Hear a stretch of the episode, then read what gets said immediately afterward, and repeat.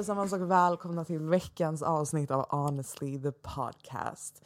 Mitt namn är Staffan Emil Harvey. Bredvid mig så har jag vi Maria Källgren. Denna vecka är en väldigt speciell vecka för vi har en väldigt speciell gäst. Hon är journalist, författare och yogainstruktör. Hon delar även DNA med Maria. Med oss idag så har vi Marias kusin Helena E Källgren! Tack så mycket! Välkommen, välkommen! Tack! Hur mår du idag?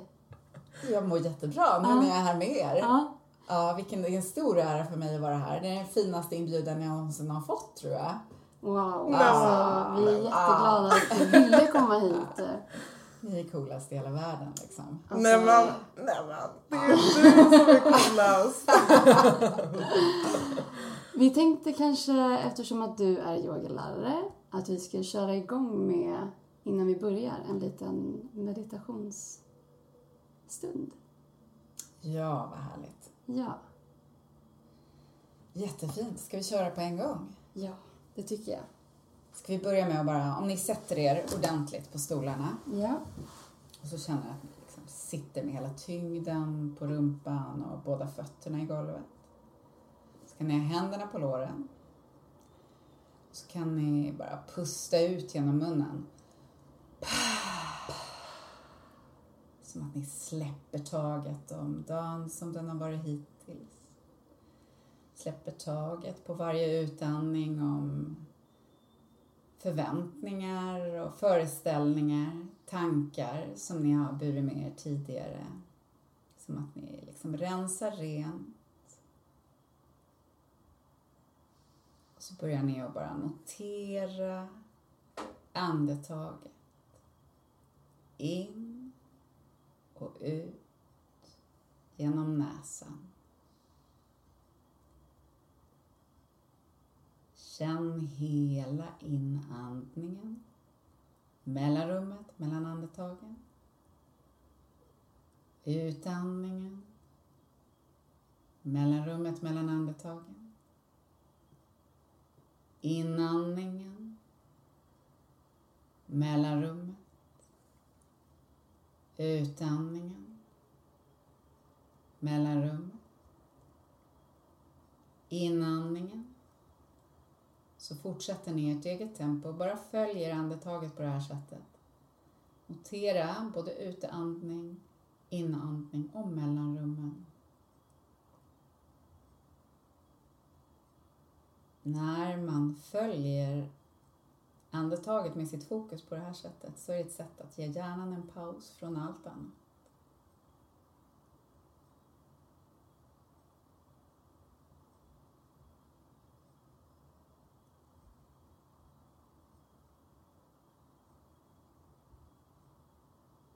Hela tiden följ andetaget.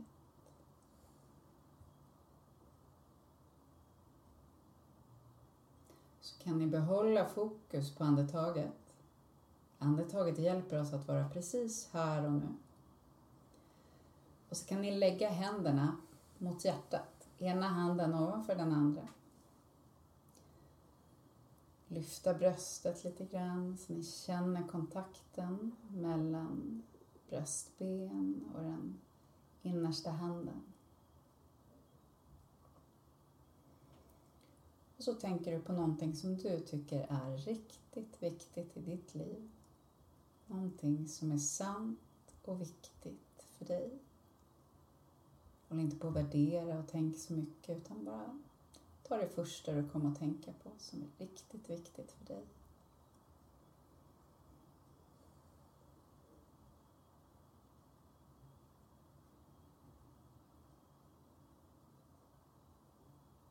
Och så kommer du ihåg att det här finns där. Det här meddelandet inom dig om att någonting är väldigt viktigt för dig. Och så kan du återkoppla till det så att du inte glömmer bort det.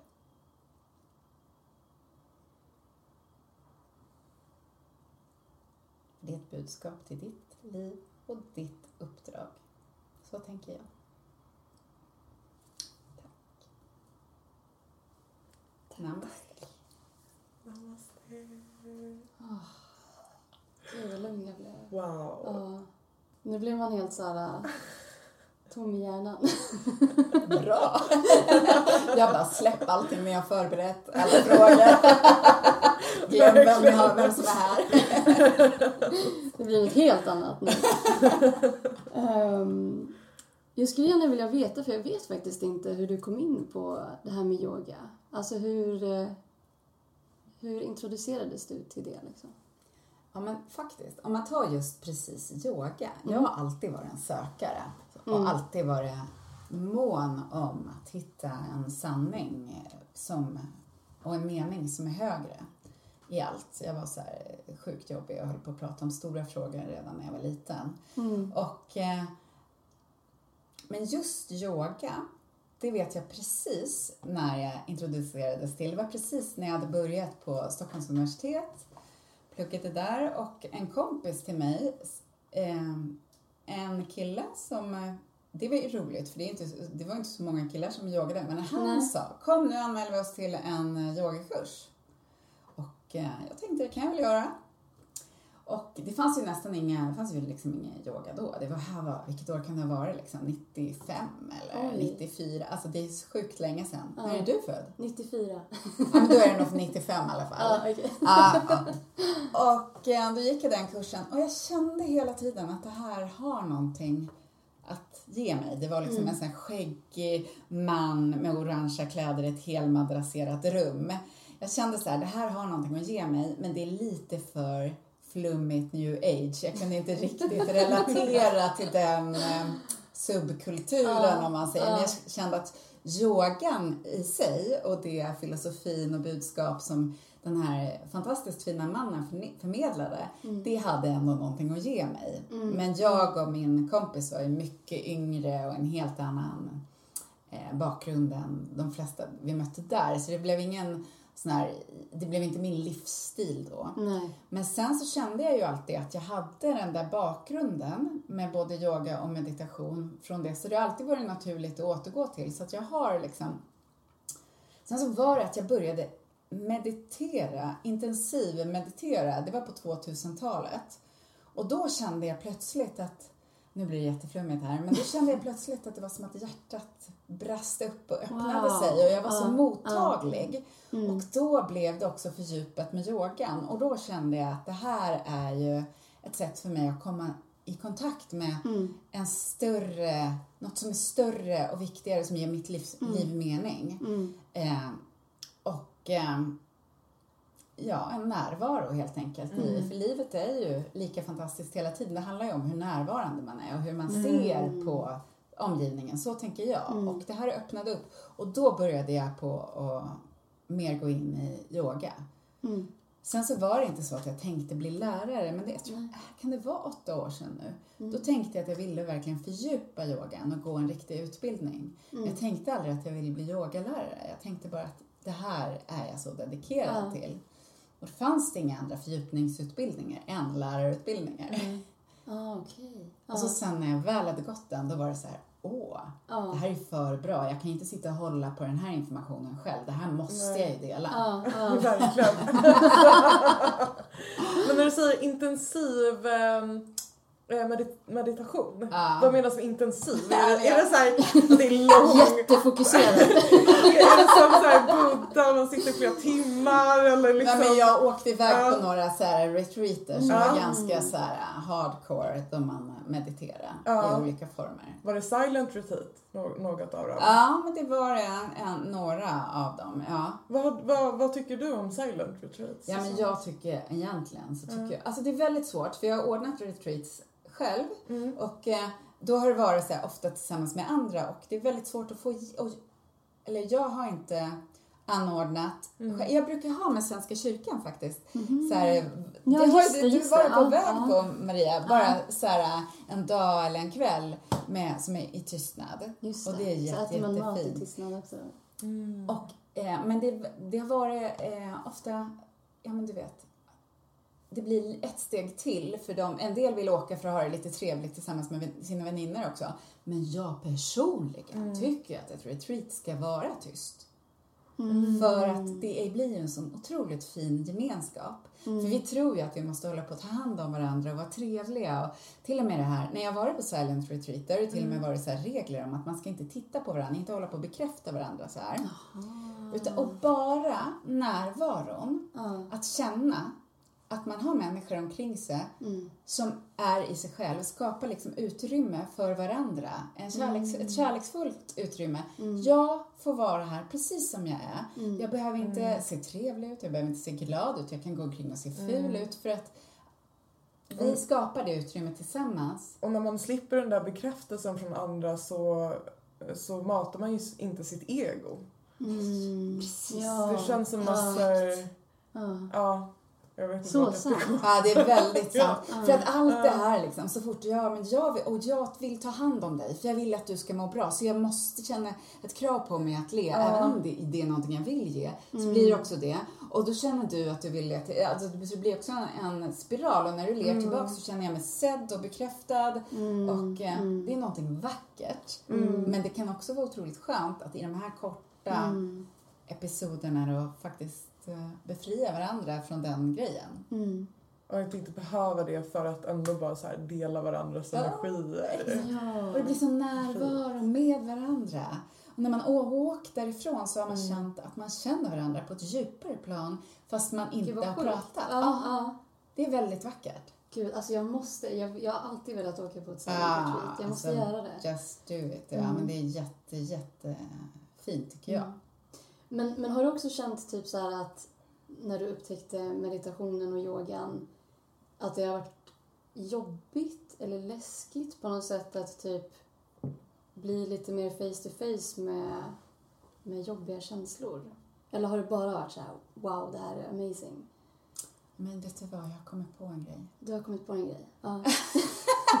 Livet är ju inte så lätt. Nej, nej. Och man kan ju göra så att man stänger av, man tar Mm. på sig en rustning och bara ett, som ett pansar och Mm. bara tänker nu ska jag ta mig an det här, jag ska visa att jag är, aha, är kapabel och kan prestera och jag ska vara trevlig och kompetent och du vet den approachen. Mm. Men du kommer ju aldrig känna dig, alltså det ger ju inte den inre tillfredsställelsen i livet. Vänta, vad var frågan nu igen? Det var, jo, eh, Ja, men eh, att eh, det här med yoga och meditation, alltså att det, det kan ju vara Ja. liksom en jobbig grej också. Ja, ja. men det här är, då, då bara liksom det enda du gör, alltså du, du kraschar ju om du Mm. gömmer det som är på insidan. Du, går ju, det, du kan gå med den där rustningen, men du går rakt in mot väggen. Mm. Det är liksom det du gör, på ena eller andra sättet. Jag tror inte på den lösningen helt enkelt. Nej. Utan det, och, och det är så här att när du tar bort och blir så, alltså jag tror att det, är- det är i hjärtats sårbarhet som var och en storhet bor. Mm. Och det är inte förrän vi är i det, och det är okej. Det får vara jobbigt och vi får må dåligt. Och vi, det, för det är också där som alla fina känslor är. Alltså det är där Mm. Däremot, vi ska inte följa med känslorna för då, då blir Sverige, för kä- känslor kan ju ta oss precis överallt. Det får oss ju inte att fatta bra beslut i livet. Men att vara med dem och se dem äkta, alltså det är enda vägen framåt. Mm. Jag tror verkligen inte på något annat. Har inte du också så varit, eh, eller haft människor i ditt liv som du har typ velat lära att så här, kunna vara sårbara? Bara så här, åh, så här, jag ser att du har så mycket där inne men det är någonting som bara så här, eh, de, de vill själva inte komma i kontakt med den sidan hos sig själva. Och det blir så här, man kan ju inte tvinga någon själv och bara var sårbar nu. Så här, börja bearbeta dina grejer. Men det är så här, för- mig som en bystander som har lite motsatta problem mot så här armorn som du pratar om. Så här, jag, jag kan eh, vara så rädd att inte ha bearbetat klart någonting så jag kan liksom bearbeta det för mycket. Stefan men nu kanske det är dags att gå liksom. Så. Men då blir det så här, när jag träffar någon som bara så här, är totalt rädd för den sidan hos sig själv. Då, åh, man vill liksom jag brukar försöka inspirera genom att visa att så här, hej jag kan vara sårbar också och öppna upp den dörren. Och jag vill inte dra ut dem ifrån den dörren men så här, Jag vet inte, förstår, förstår du? Har du något tips Men jag på... tänker att världen är full av Ja. det här. Alltså, Mm. Och jag tänker att på ett eller annat sätt så är de flesta, jag kan känna att jag vill säga åt mig själv att vara sårbar. Jag är Mm. väldigt snabb också, fast jag eh, också har nära till mitt inre, så känner jag ändå att eh, det är ganska lätt hänt att man tänker, okej men nu måste jag hantera den här dagen, det har de här de här utmaningarna. Mm. Och då kan jag också liksom falla in i det här, okej, tjoff, Ja, tjoff, ja. tjoff. Och så sen så har man varit inne i den där äh, Ja. mer uttänkta planen. Men jag förstår, men man vill, men det finns ju något med det där att man vill, alltså jag är lätt för att bli så här, ni vet nyfrälsta människor eller som vill tala om för hela världen att här är lösningen. Ja. Jag har varit så när det gällt yoga, när det gällt meditation, när det gällt, alltså jag kan Mm. ju vara så, jag vill ju lösa allas problem. Och det är ju, funkar ju aldrig. Nej. Det går ju Mm. inte. Nej. Men eh, man- det kliar ju igen liksom. Men, Ja. Men det, ja. men det är inte alltid säkert att det är jag som vet vad som är rätt för någon annan. Nej, Nej, nej, nej, sant. Men det känns ändå som att du är väldigt bra på att liksom, eh, vad ska man säga? Ibland känns det som, alltså jag har lite problem ibland att jag typ ger bort min energi om och om igen, bara öser den på folk så jag tänker inte ha kvar till mig själv. Men det känns som att du är väldigt bra på att så här, alltså du är så fin mot alla runt omkring dig och hjälper alla runt omkring dig men du har ändå liksom, du bibehåller den här äh, energin för dig själv typ. Does that make sense? Jaha, ah, vad intressant Eller, eller känner du säger så det. själv? Ja, men du pratar om att jag har någon slags integritet eller liksom, eller? Ja, ja, men emot dig själv, din egna liksom...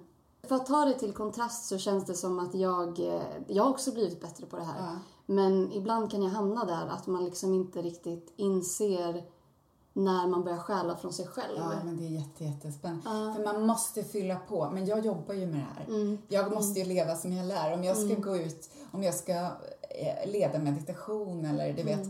Det känns helt oseriöst om jag inte har, kan, kan vara närvarande Mm. och inte har något att ge. Men jag lever ett liv. Jag tycker att jag är väldigt lyckligt lottad som har möjlighet att fylla på. Mm. Så att jag har inte, du vet man kan ju ha, gå igenom tragedier i livet som gör att, eh, som, och, och utmaningar. Jag har också varit igenom utmaningar när det har varit, men jag, jag instämmer med att jag, jag tycker, jag lägger en stor vikt vid Mm. att ta hand om energierna eftersom Mm. jag tycker det är Mm. oseriöst att inte göra det. Mm. Mm, mm. Om man nu ska jobba med det jag gör. Ja, Ja. ja, det är sant.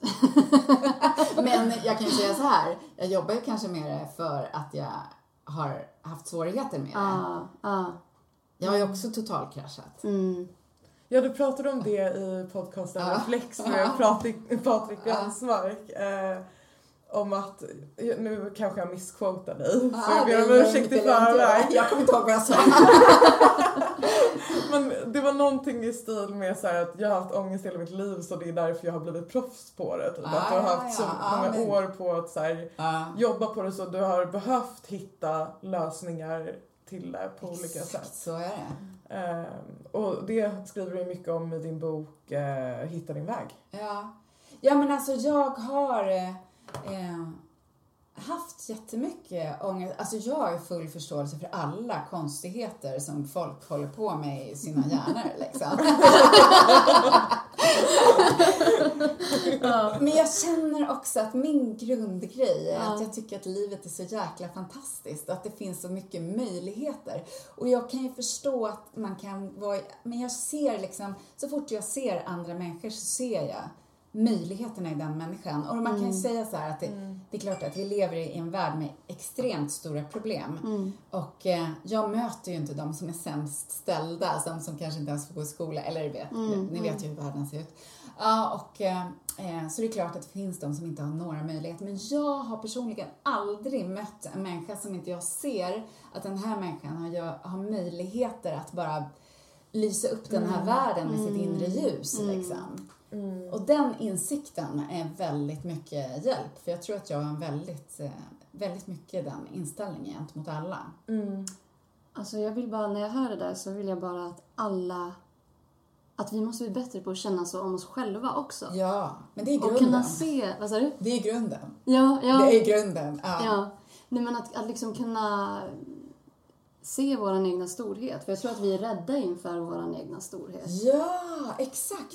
Men det vi gör då, Mm. det är att begränsa alla andra. För när, jag, när jag har svårt att säga, ta- om någon ger mig en komplimang och så, Mm. säger, och så säger jag så här, "Nej, men den här gamla trasan eller nej men jag har inte gjort något Ja, märkvärdigt. ja, ja. Vilket man ju instinktivt ville säga då. För det är ju väl inte. Men, men å andra sidan så är det ju liksom, om man tror på någonting större Mm. så tänker jag att vi är ju alla en del. Om man tittar på naturen, allt är ju perfekt. Allt är ju fantastiskt. Det är ju, Människor har visserligen ställt till det, men alltså i sig själv så är hela den här skapelsen helt grym och magisk och allting. Och var och en av oss är ju del av det. Så att varför... Så, men som jag tänker, att när jag tar plats så, talar, så, så säger jag också till alla andra, gör det ni också. Alltså jag menar, in, det blir ett sätt att göra det. Vi ska inte förminska oss själva. Jag är så glad. Vi måste bara stänga av. Ja, det är ingen fara. Alltså jag trodde ett tag att det var min. det är jag glad till. Så jag tänker att Mm. det finns något, men jag tror, jag tror inte på det där. En del säger att man måste älska sig själv för att kunna älska andra. Det tror jag inte ett dugg på. Nej, för det är nej. skitsvårt att älska sig själv eller gå in i det riktigt. Man vet ju att man har älskat någon utan att älska sig själv också. ja, ja, ja, men sen så hela grejen, jag tänker hela, hela det resonemanget blir ju så här, eh, kan man inte bara få vara nöjd med det som är utan behöva reflektera över exakt hur mycket man älskar sig själv liksom. Det blir så otroligt eh, laddat, tänker jag, för många. Mm. Nej, Ja, Jag hörde någonstans idag så här, du kan inte... Hon bara, jag kan inte hata dig för jag har, jag har aldrig älskat dig. Hörde Vänta, vänta. Ja, det, det var en tjej som sa så här, eh, för hon vart anklagad över att ha hatat den personen. Det var en kille som sa, du hatar mig och då sa hon, nej jag kan inte hata dig för jag har inte älskat dig. Va? Det tyckte jag var, det tyckte jag var en konstig mening så jag ville bara höra ert perspektiv på det. Så här, finns det någon För mig sorts låter det som att hon, hon har bara sagt fel typ. Ja.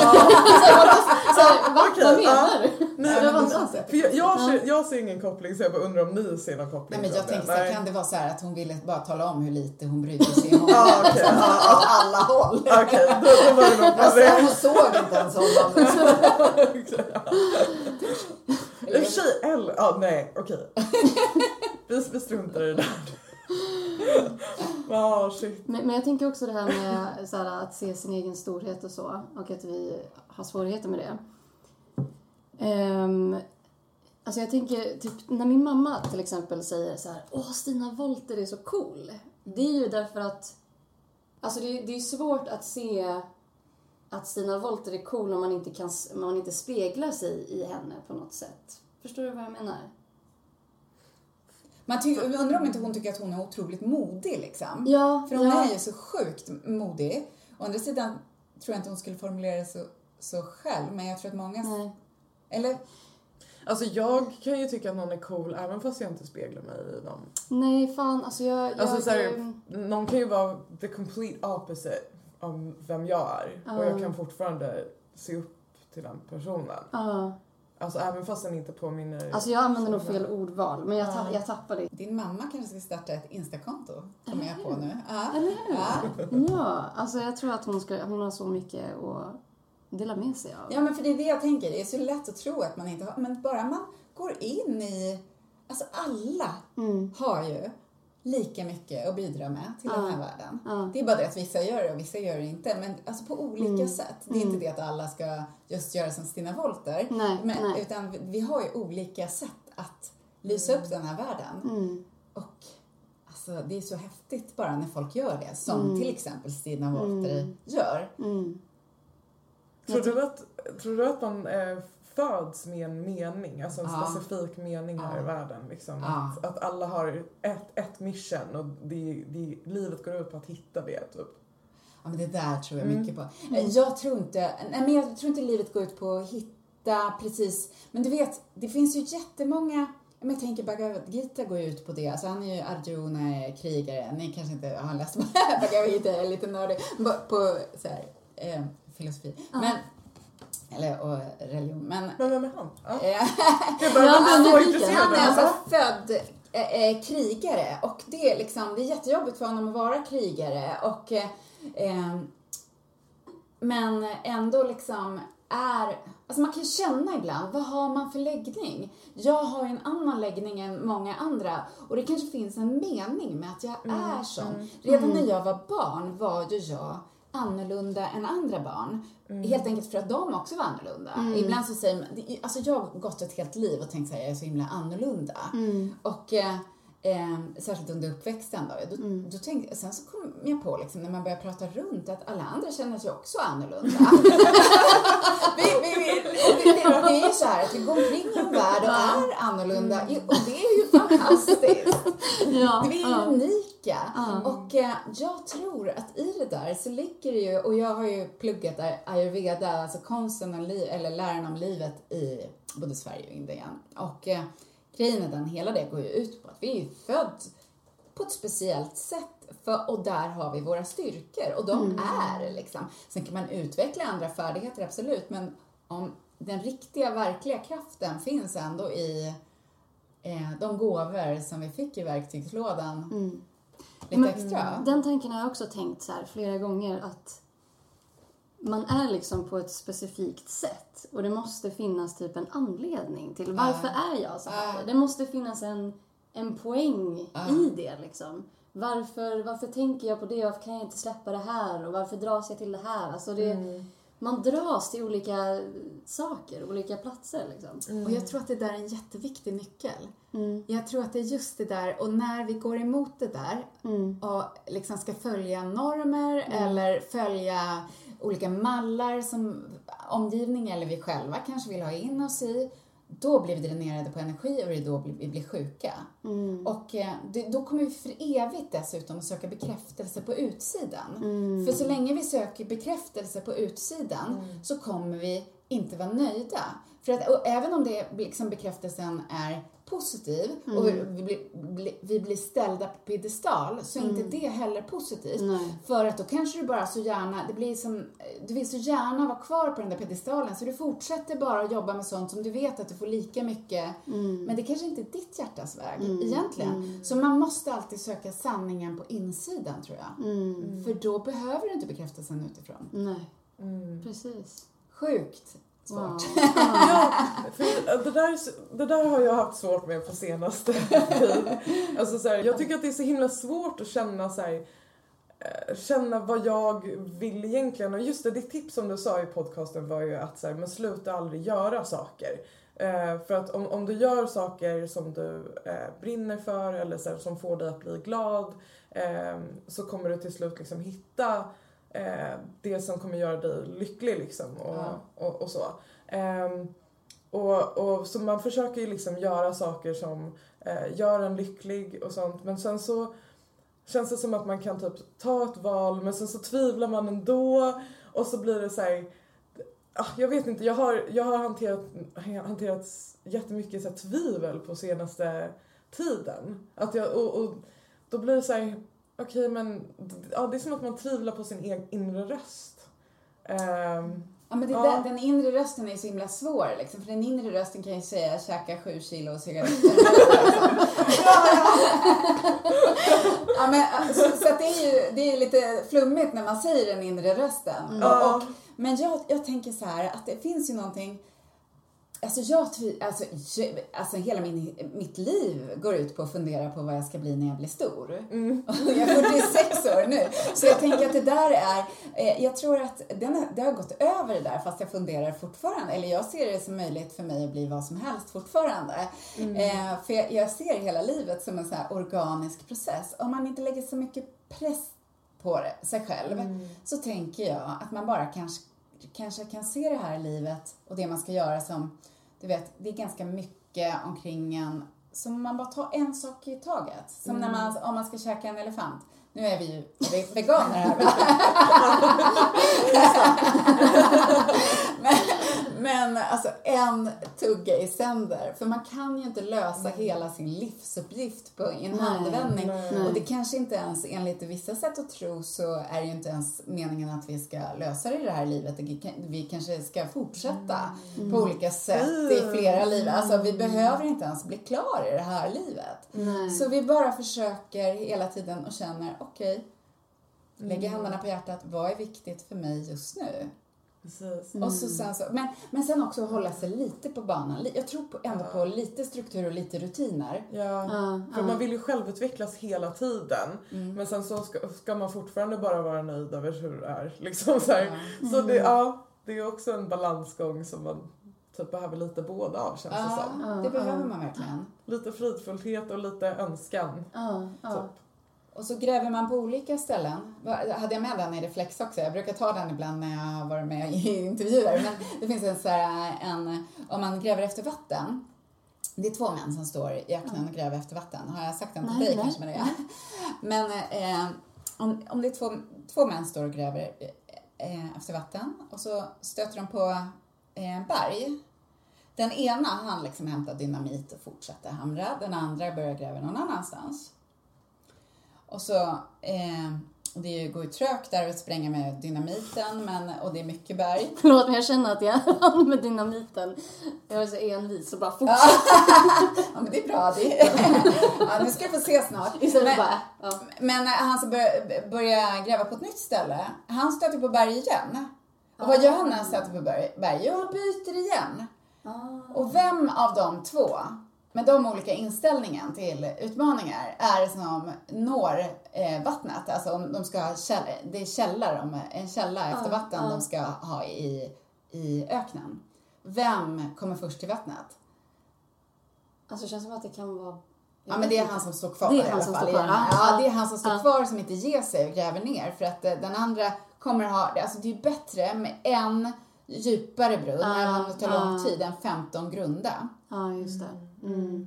Och där finns det ju någonting för alla oss som är intresserade av mycket och tycker att eh, man vill självutveckla och det där är inspirerande och det där är inspirerande. Mm. Man behöver ju också den där kontinuiteten om man ska nå eh, källan, tänker jag. Mm. Och genom att fokusera länge på en sak eh, så lär man ju sig att göra det liksom med, med andra grejer också. Alltså, Ja. man bygger upp en, en rutin, en vana liksom. Ja, och så fort en sak blir del av dig Mm. så genererar det ju eh, här, synergieffekter som gör att andra saker funkar bättre Mm. också. Så då, om man, precis som du sa där, med balansen, om man har lite av båda så man får den där stimulansen av att det händer nya saker och man får lära sig nya saker.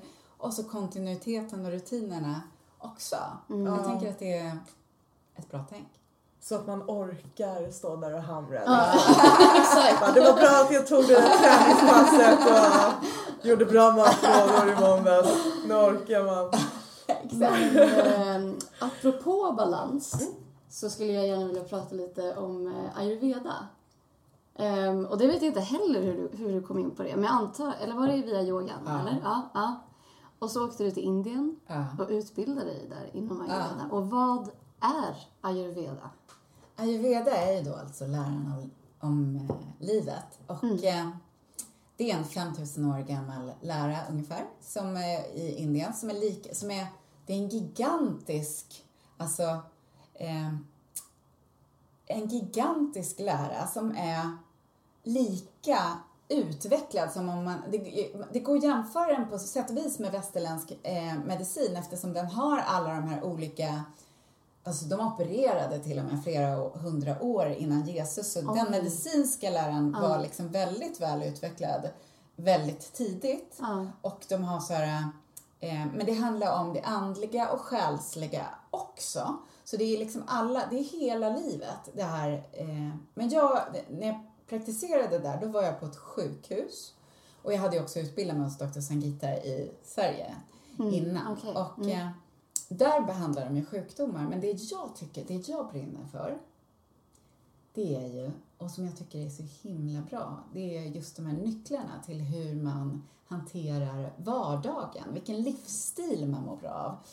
Och eh, eh, det är det jag lite grann har en har väldigt mycket eh, gjort till min eh, mission att eh, liksom sprida. Även om jag inte alltid kallar det för ayurveda så är det nycklar där som inte finns här.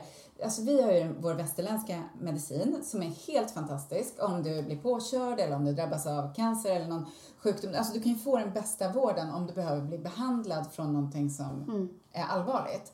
Men ayurvedan är en jättebra verktygslåda för att hitta nycklar till hur du ska upprätthålla hälsa eller hantera din hälsa när den börjar wobbla innan den har blivit så dålig att du behöver en operation eller något sånt där. Mm, Just det.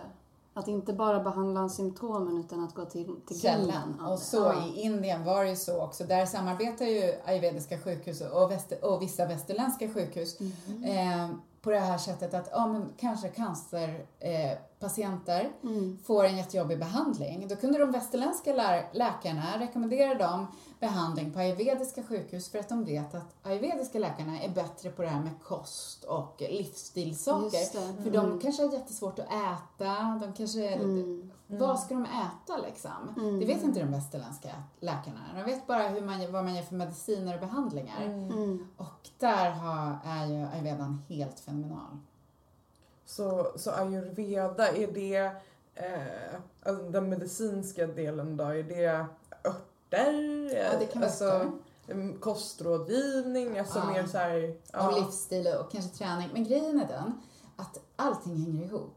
Så det går inte, du kan inte, i ayurvedan, du, du kan inte gå till en ayurvedisk läkare som, eh, du kan inte gå och få en ört och så sen så blir det bra. Utan örten, du måste tro, du måste vara med själsligen och eh, också i hela processen eftersom du kan inte känna dig skeptisk till läkaren och så sen bli frisk. Alltså det tror inte ayurvedan på utan Nej. det hela samspelet. Där, Eh, där slår ju place- placeboeffekten in. Om man Ja. inte tror på det, då är det som att alltså, ditt psyke blockerar alltså, det andra för att fungera också. Ja. För Mm. att du är redan inställd på att det inte kommer funka. ja. Mm. Är det inte nocebo det heter när man tänker så här, det här kommer inte funka? Eller vad? Oh, jo men det kanske Ah. är. Jag har aldrig hört det. Men jag måste det. Ja, men alltså, vi, får googla det efteråt. Ja, men, men placebo, och det där brukar jag alltid säga till alla, ja men det finns ingen vetenskap bakom det här. Ja men vetenskap enligt västerländska mått kan man ju Ja. säga, men alltså de har forskat i Mm. 5000 år genom att behandla människor och se Mm. vilka mår bra, hur blir magen bättre av det här eller det här. Det är ju rent krasst liksom. Är det ju så här, eh, djurtester fast på människor genom flera tusen år. Men så, så man har ju sett vad är det som stärker den typen av människa och den Mm, typen av kroppskonstitution och vad stärker den typen. Alltså, så man har kommit fram till fantastiskt alltså, intressanta saker, nycklar som vi ska ha så mycket glädje av i vår eh, del av världen eftersom vi har så lite kunskap om, om sånt här. Och, eh, men då brukar jag alltid säga, för du säger ja men det finns ingen forskning, det finns ingen vetenskap. Nej, men bara i och med att man liksom inte ens vågar tro på möjligheten att det kan hjälpa mig att äta de här rätterna. Eller så har man ju förnekat sig själv ens placeboeffekten. Och vi skulle ju inte ens ha vetenskap eller forskning om ingen vågade tro på någonting Nej. från första början för då hade ingen experimenterat sig fram till det. exakt, exakt.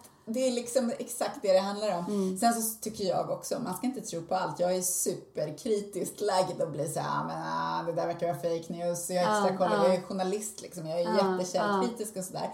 Men här känner jag liksom, okej, men det här är liksom inga konstigheter, det är inga farliga grejer utan det är liksom, man pratar om Ska jag ut och springa i eftermiddag eller behöver jag hellre gå på massage? Vad är det jag behöver just nu? Vilka, vilka nycklar och vilka verktyg i verktygslådan är jag måste plocka fram Det är liksom nu, bra liksom. grejer oavsett Ja, vad. Det är inte som att någon säger bara men testa den här giftiga blomman så ska du se.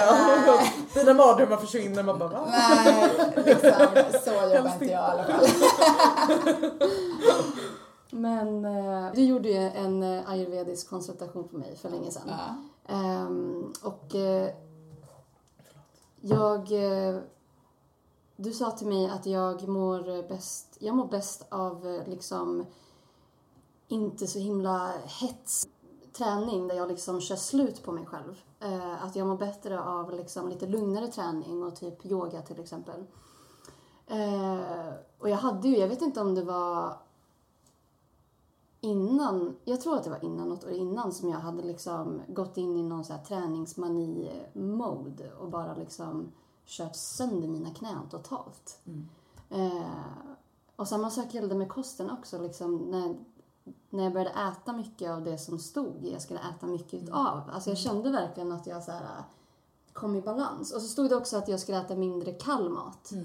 Och jag har alltid känt att så här, ja, men varm och liksom lite mer kryddig mat får mig att känna mig i balans. Det kän- Min mage känns liksom bra då. Medan kall mat kan kännas som att jag liksom blir frusen av nästan. Och du är expert Ja. på såna här grytor. Ja, jag älskar ju Ah, du är expert, det är perfekt för dig. Ja, ja. Nej men jag gör ju det hela tiden. Det är typ det enda jag äter nästan. Ja, ett tips för er som lyssnar. Följ Mama Earth Cooks på Instagram. Just Där lägger det, upp sina ja, ja. underbara recept. Ja, verkligen. Super, superbra recept är det där.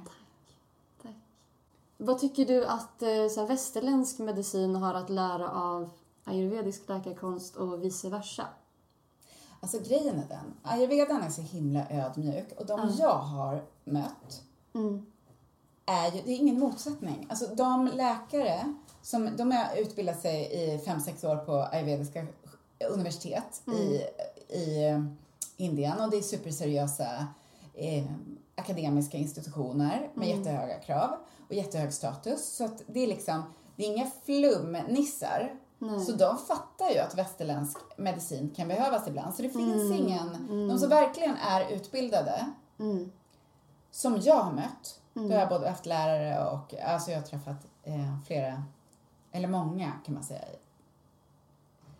Så och alla har haft en otroligt ödmjuk inställning till att man kan, och jag har också hört att det står i de gamla skrifterna, ayurvediska skrifterna, att man ska vara ödmjuk för ny vetenskap som kommer. Det är typiskt så här svenskt, då, så här, antingen så gillar du alternativt eller också gillar du eh, västerländskt. Och gillar du alternativt ska du helst vara emot västerländskt. Ja, ja. Alltså det har inte jag alls mött i Indien. Nej. Där är det mer så här att man kan behöva olika. Så där tänker jag att ayurvedan fattar ju redan att det är lite olika roller. ja. Eh, De jag har träffat i alla fall. Däremot kanske inte alla förespråkare för ayurveda, men det, ja, det kan jag inte... Men västerländska sjukvården har ju inget av det ayurvediska tänket. Nej. Men jag tänker så här. Förut så tänkte jag alltid, det vore ju bra om man ligger på sjukhus att man fick bra mat. Det är det ju inte. Det är ju katastrof. Men det är ju inte läkarnas fel riktigt. Nej, Så det borde ju kunna... Men, eh, och man, man kunde gott ta in mer i svenska samhället av ayurvedisk kunskap. Men jag tänker, det kanske inte är västerländsk sjukvård som ska kunna det här. Det kanske kan vara okej att jag går på eh, Alltså jag tycker västerländsk sjukvård ska öppna upp lite mer för Ja. möjligheterna som finns. Men å andra sidan så tänker jag att det är ganska tryggt att veta, okej det här är västerländskt och det är, det är forskat enligt de här kriterierna.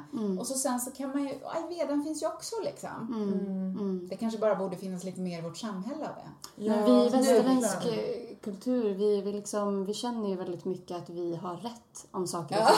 Alltså vi, vi, har, vi tror att vi står lite över och så här, Ja, ödmjukheten Ja, är liksom inte där riktigt. Nej, det är väldigt eh, stor skillnad skulle jag Ja, säga där, ja. på det som jag har mött. mm. Ja. Tror du att ayurveda, ay- ayurvedans? Ayurveda. Ay- ayurveda, Ja, nej, ayurvedisk. ayurvedisk. Eh, har, har ayurvedisk medicin, eller vad man nu ska kalla det, eh, eller ayurvediska metoder Ja. eh, kunnat hjälpa till med typ bieffekterna av västerländsk medicin? Ja.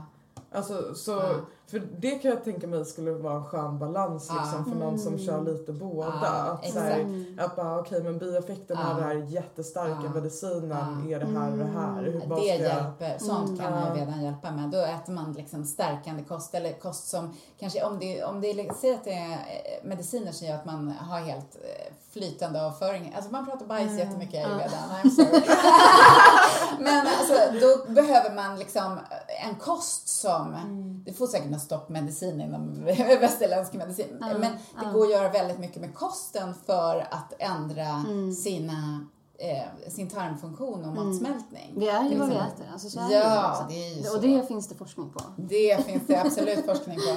Men eh, jag tänker att, eh, och det finns vissa saker mot illamående, så här, lä- enkla trick liksom. Och, Men för just det här med kosten på så här sjukhus, alltså för jag har en kompis som har varit liksom allvarligt sjuk.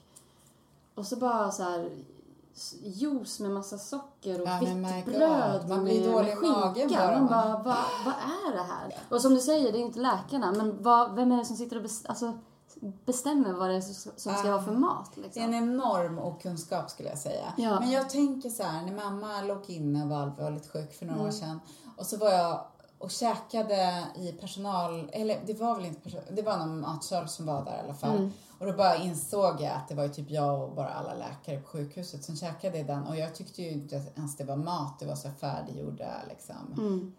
Snitslar och du vet, alltså det jag bara kände jag skulle inte äta det här om jag var hemma eller om jag hade möjlighet att käka någon annanstans. Och där äter de antagligen varje dag och då tänker jag så här, men de har en lite annan inställning. Jag har oerhörd respekt för läkare och all den Mm. kunskap de Mm. så jag vill inte förringa det på något sätt. Och man kanske inte ska kräva att de ska kunna allt. Varför ska de kunna allt? Jag kan inte allt. Mm. Eh, ingen kan ju allt, men Mm. alltså visst är det lite konstigt att det är så otroligt Ja, dålig ja. och prefabricerad. Eh, ja. Jag upplever ju samma sak eh, på, på förskola också. Ehm, att så här, typ på Mellis till exempel, så har de köpt in nyponsoppa, sockerfri. Men då är det aspartam istället, alltså så här, sötningsmedel. Det är ju värre. Alltså så här, jag tänker att liksom förskolor, alltså barnens kroppar är små, de behöver byggas upp med bra mat.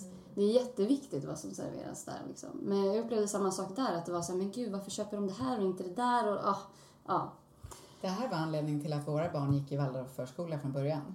Mm. För där lagas all mat på plats, alla råvaror ekologiska, allt vegetariskt. Men det är, så, det är så sjukt att liksom att det ska vara en ovanlig sak. Jag Ja, säger inte är- att allt ska vara vegetariskt så, men jag Nej. menar ändå att, Nej, men så det här, behöver att man lagar maten där. Ja, och, jag vet att det ska vara ovanligt. Jag tycker det är konstigt också. ja, Men det kommer väl lite, alltså det börjar ju på ändå liksom. ja, ja. Då var det jättekonstigt när Mm. mina barn började. Nu börjar det ändå på att bli så här att fler föräldrar efterfrågar det. Mm, just det. Så sjukt också att det känns som att folk brukade titta på det här problemet som att det är bara så här privilegierade som bara kan äta bra mat också. Alltså, jag tänker det kommer lite från så här, den amerikanska kulturen att så här, Mm. de som har eh, mer pengar har råd att köpa ja, men, bättre mat versus Mm. de fattiga som bara kan köpa en pizzaslice för en dollar till lunch varje, Mm, varje, mm. Det är billigare att i åka på skolan.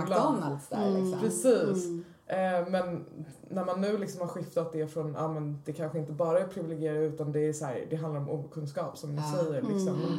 Vad, vad har ni för så här bästa tips för folk som, som vill vända till ett mycket hälsosammare matvansliv?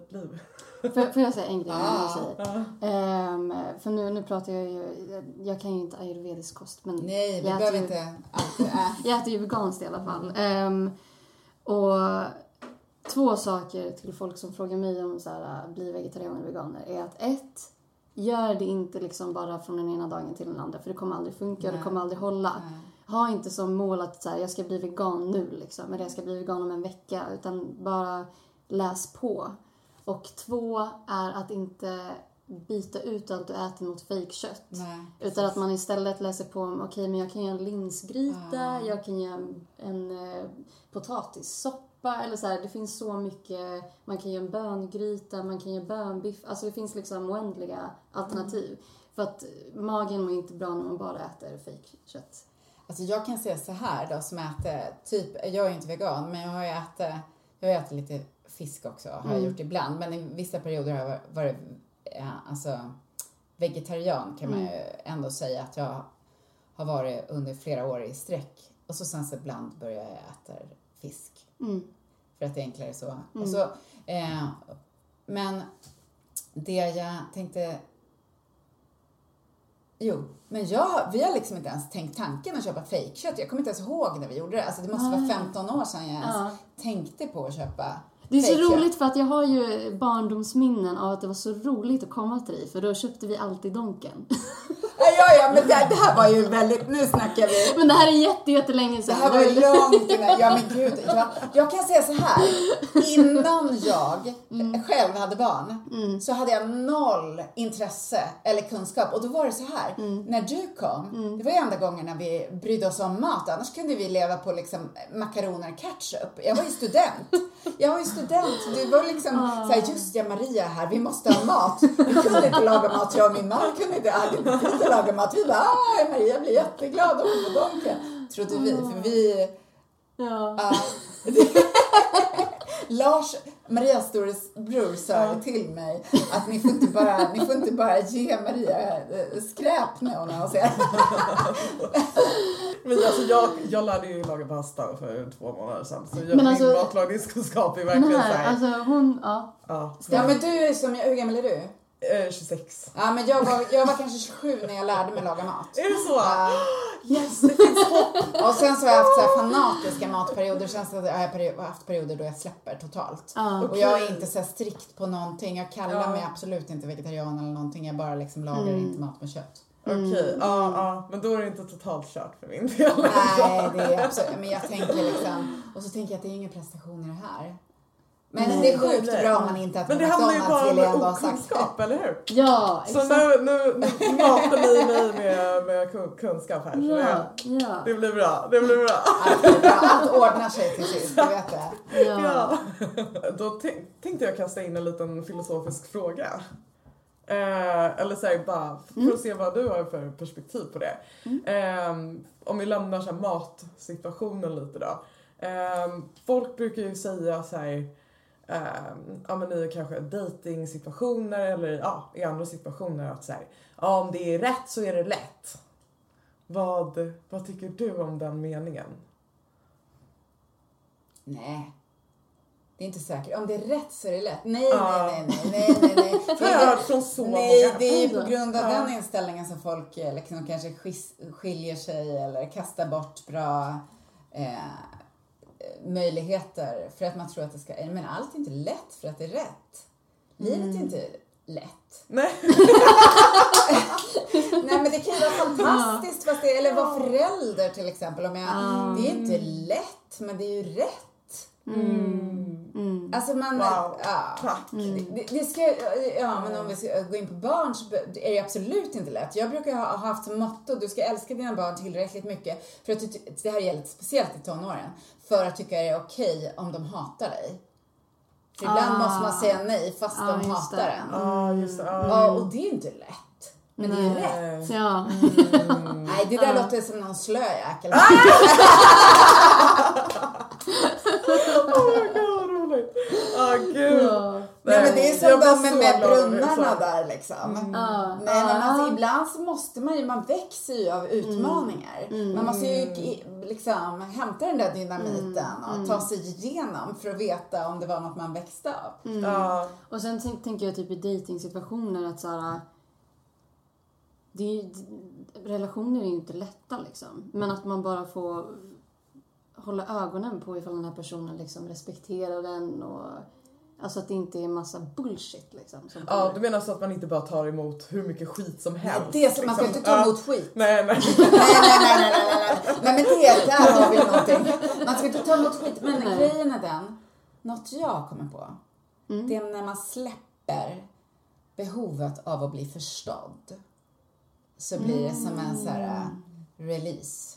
Det är så skönt att känna att jag, jag behöver inte bli förstådd. Nej. För att det är väldigt svårt att förstå varandra, även i en relation. Mm. Men det måste finnas respekt. Det är därför man inte ska ta skit liksom. För det där är viktigt, att, men respekten är jätteviktig. Jag tycker en sån där mellanmänsklig grej, för att jag, även människor som är helt fantastiska, det är inte helt säkert att jag förstår dem. Nej. Men varför ska jag behöva förstå? Men vi behöver ju bara respektera varandra och be, alltså känna att det finns något stort och fint inom andra, men man behöver inte riktigt förstå varandra. Nej. Jag känner ingen jag förstår. Typ. Nej. Alla människor är lite knäppa. Ja, Ja, man, förstår, man förstår ju typ ingen till 100 procent. Nej. Nej, det gör man ju inte i alla lägen. Nej. Nej. Nej, och de man känner mest inser man ju att man ibland förstår minst. Man kan ju tycka att de är förutsägbar men ändå så man fattar inte varför de inte lägger av och med Ja, sina ja. nyheter. Liksom. Det vore så enkelt. Att bara vara lite mer normal. Men gud, alltså så wow. De, jag kände att så här, ja, någonting i mig släppte nu och jag vet inte varför. Det, det var jätteskönt. Det var som att så här, bara av att få höra de här meningarna så bara känns det som att flög ut.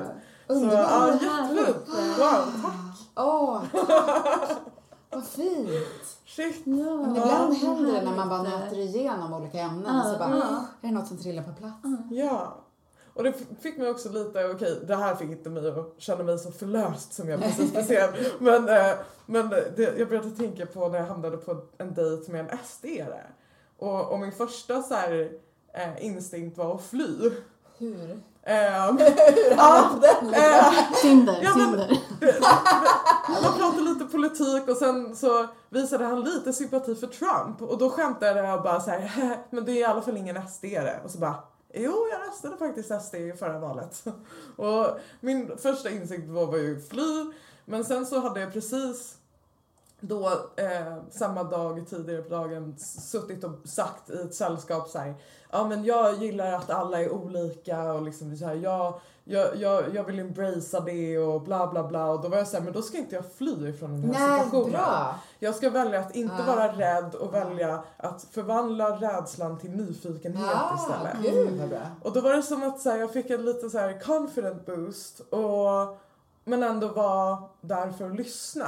Mm. Och bara lägga fram mitt perspektiv utan att pusha Ja. eller liksom... Det är ju såna här, förlåt, men det är ju eller- såna här möten som liksom kommer föra oss framåt. Alltså jag Ja. tror att om inte vi öppnar upp de där dörrarna inför Ja. varandra, även fast det är jobbigt, Mm. så kommer vi stå och stampa på samma ställe i, för evigt. Liksom. Ja men det är så himla lätt för att jag är så här supertemperamentsfull så jag kan bli så här att jag blir arg på en gång. Mm. Så det är en sak som jag har fått lärt mig av livet. Att jag måste, jag måste sluta gå in i det. Eh, för att eh, det, där är ju stopp. Mm. Om jag börjar bråka med någon på en Mm. gång då har ju jag Båda era åsikter 70 förstärks också. förstärks. Ja, ja. Exakt, jag Ja. pushar ju Mm. den personen in i Trumps knä. Eh, Ja. Så så fort jag talar om Mm. för någon att den personen är en idiot Mm. så vet jag att den personen går åt det extremist, ännu mer extremistiska Precis. hållet. Ja. Och så dessutom så tänker jag att kärleken finns där också. Det finns något fint i alla människor. Mm. Och en välvilja. Och man har ingen jävla aning om vad det är som har lett den här personen till den där, i den där riktningen. Mm. Och om man kan vara en medmänniska i det så tror jag att det är lättare Mm. att öppna upp förståelsen för fler människor. Mm. Eh, och, och alla våra olikheter och allt. Mm. Alla anledningar till att det finns andra alternativ. Jag har ju vänner som har tagit bort mig på Facebook på grund av vissa saker jag har sagt Jaha, inför oj. val och sådär. Ja, Mm. och, och en gammal klasskompis, han bara skrev till mig, ja, men du kan inte hålla på och skriva sådär om Sverigedemokrater på Facebook. Och jag blev jätte, jätteledsen. För jag tyckte ju om honom och har en jättebra bild av honom. Och jag tror verkligen inte att han är rasistisk eller, eh, han är klokare säkert än många som röstar på andra saker. Mm. Eh, så egentligen ville jag bara ha ett samtal med honom och det där Mm. tog han bort mig som vän. Då har ju inte jag den möjligheten. Nej, nej. Men Nej, eh, precis, var det det hårt det du skrev eller var det liksom? Nej, det var jätte... Men, det alltså- var typ, jag delade en artikel om att ju lägre utbildning desto mer, större risk att du röstar på Men det är ju helt sjukt då att han kan bli så provocerad. Men nej, det var sån kanske inte det enda jag hade delat. Ja, okej. Men det här var några år sedan. Jag, jag gör inte så längre. Mm, För nu, nu har jag honom för mig och tänker okej, är det här att visa respekt för mina medmänniskor och tänka att säga att alla Sverigedemokrater är blåsta? Är det att ha respekt? Kan jag inleda ett möte med någon som jag sagt det om? Nej. Det går Gud, ju. jag hade varit. Ja men det är ju det. Hej alla blåsta människor! Nej, men alltså då, och vem är jag att säga då? Det liksom. Mm, mm. Nej tyvärr, alltså det, det, det kommer ju inte funka liksom. Det kommer ju inte nej, funka. nej. Så där måste ju jag, man vara lite smartare tänker jag. Mm. Men det känns som att så här, debatter på sociala medier Så hård. Det, ja precis, man bara står och eldar och, och pekar finger och Ja. fuck you dit och fuck you Ja, hit och Exakt. det är mycket känslor. Alltså politik är ju känslor liksom. Men ja, jag vet Tyvärr inte, det är är så... politik känslor. Alltså Ja, jag önskar att det inte hade varit det. Herregud, Men kan alla bara sluta med sådana bölartal och komma ner till lite konkret jävla förslag var, Kom igen ja, tack, det vore jättebra. Men sen så tycker jag att det är någonting fint. Vi lever ju i en demokrati och då kan jag bli så här när man då håller på och pratar illa om eh, partier som är demokratiskt valda i Sverige jag tycker att vi lite nedvärderar det demokratiska systemet då. För att om vi bara hade ett parti, det parti som till exempel jag eller du eller du jag har röstat på, då vore det ju en diktatur. Det är mycket sämre alternativ liksom. Precis. Så vi ska vara glada att motståndet finns där. Exakt. Men också så här- man önskar att alla ska värna mänskliga rättigheter, alltså du vet vissa grundläggande. Ja, Ja, såklart. och typ att, så här, att politikerna kanske kan snacka lite mer om sin egna politik istället för Ja. att rikta fokus på alla andras felaktigheter. Du sa precis det Men viktigaste. det känns som att, det känns som att så här, när partierna har debatt så får det finnas typ så här Alltså någon lag eller någonting Ja. som bara så här, ni får inte smutskasta, ni får inte snacka om vad någon annan gjorde för 30 år sedan. Nej, Alltså ni så här, kan ni bara Ja. hålla er till... Ja, sakfrågorna. Alltså exakt. Och jag tror att alla människor är så himla less på det där. Och då tänker jag så här. Vad, vad är det jag är för istället för vad är det jag är emot? Det vore så himla skönt med politiker som i debatterna pratade om vad de själva ville och inte vilka de, som är deras antagonister. Och jag Det är vet så att det inte är lätt politiker, men det är rätt. Exakt, exakt. Bra slutord. Ja, verkligen. Um, alltså jag, jag har en fråga till dig, typ en liten så här avslutande fråga. Om inte ni känner att ni vill, har ni något på hjärtat som ni vill? Det känns som att jag, jag måste ju komma hit och hänga oftare. Ja! ja! Nej men det känns som att vi Kan har, inte jag få hänga med er nu? alltså det känns som att vi har 10 000 mer saker som jag vill prata om. Ja, så är det alltid. Eh, Med hela livet. Kanske flera liv. Ja. Ja, precis. Eh, nej, men eh, jag tänkte fråga dig, har, vet du, vad, vad vill du göra i framtiden? Är det någonting mer som du känner att du vill komma in på? Eller vet du inte? Känner du att du är nöjd där du är nu? Eller så här, vad är dina tankar kring din, din framtid? Alltså mina tankar om min framtid är att jag vill vara ännu mer bara sann mot det som jag tycker är viktigt på riktigt. Mm. Och att eh, det finns inget viktigare än att liksom att vi måste öppna våra hjärtan för varandra och alla och vi får inte utesluta någon. Mm. Alla ska med på tåget liksom. Mm. Och även de man tycker är obehagliga måste man förstå har en storhet som vi måste liksom lyfta på den där skattkistan. Om man ser alla Mm. människor som skattkistor så måste vi liksom hjälpa folk och lyfta på det där locket för att se vilka skatter finns här inom Mm. dig. Alltså Mm. det är min absoluta, ja, väldigt flummigt men det är mitt svar. Nej, men det var ett jättebra svar. Alltså jag tänker på när vi pratar om eh, att eh, människors storhet och, och sådär. Jag tänker på, jag, föl- jag följer en, en kille på Instagram, heter han Erik Edlund eller något sånt där. Eh, han var liksom jätteaktiv i NMR. Ehm, och sen så hoppade han av för, för några år sedan tror jag. Och sen, sen dess så har han liksom blivit eh, hotad till döden, Ja. misshandlad och förföljd och sådär av folk från NMR. Ehm, och när jag ser liksom sådana personer så blir jag bara så här. Vi måste rädda de här människorna som, som eh, har blivit fast och, och blivit radikaliserade på det här sättet. Precis som eh, folk kan bli radikaliserade och åka till IS. Alltså, vi måste hjälpa dem. Vi kan inte bara stå och bara fuck you. Alltså även fast det är liksom så här, ja, man blir ju arg på typ NMR till exempel. Men Det som är Ja. så roligt är att de tänker ju detsamma om oss. Mm. De måste rädda oss ifrån våran... Men jag, jag har en tanke där. Mm. Om man s- försöker se på människor som det är svårt, alltså man bara tänker det här är en människa som är född, har legat i en mammas mage.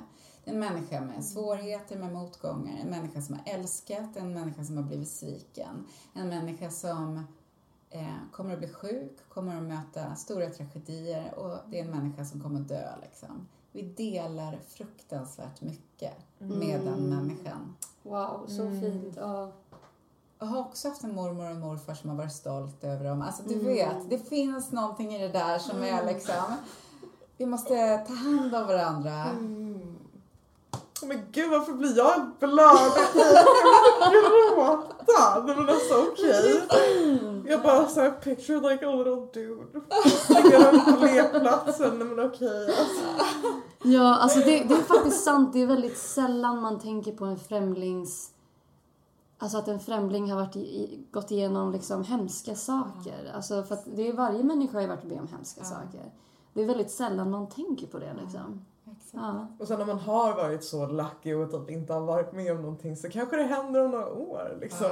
Ja, För att jag, ja. jag har ju träffat människor som är så här, wow, det känns som att du inte har gått igenom någonting Ja. tufft. Typ. Mm, mm. Man får bara den känslan. Men då låter det som en sån där som har på sig en rustning. Mm. Jag, jag blir så att Ja. jag tvivlar. Mm. Mm. Ja, ja, för vad vet jag egentligen? Jag har inte gått i den skor liksom. Så det är ju Ah. 110% sant. att. Den kanske bär. Någonting. Ja, ändå. Alltså vi skulle kunna sitta och prata i typ fyra Wow. timmar. Alltså, så intressant.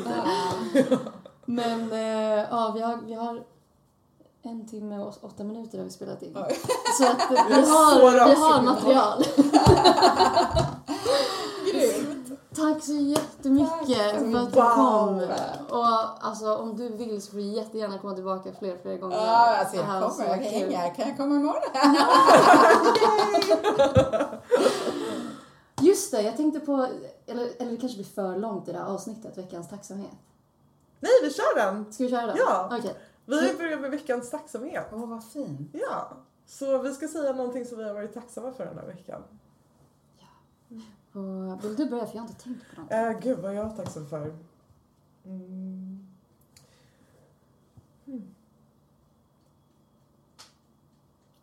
Ska jag, Mm. jag, jag, jag tror jag kommer med Ja. på något. Ehm, jag är bara så tacksam över... eh, alltså den här sommaren jag, så har jag jobbat två veckor. så jag är så tacksam över skolan har börjat. Eh, jag lär mig massa grejer, att jag ens får gå i skolan, att jag har den möjligheten.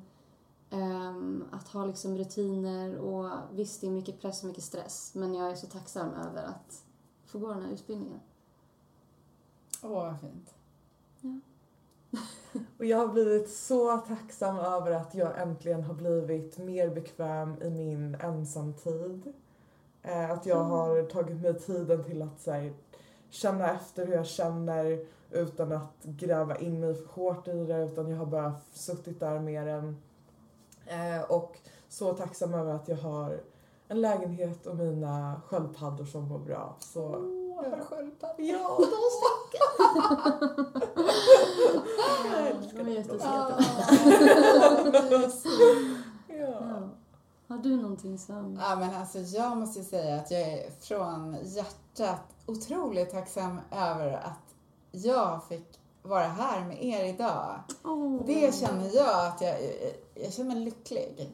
Åh, jag med. Fint. Ah, tack så mycket för det. Tack så själv. jättemycket för att du kom hit. Ja. Och Namaste. på kärt återseende då. då. Ja. Hej då allihopa, vi syns nästa vecka. Hej då.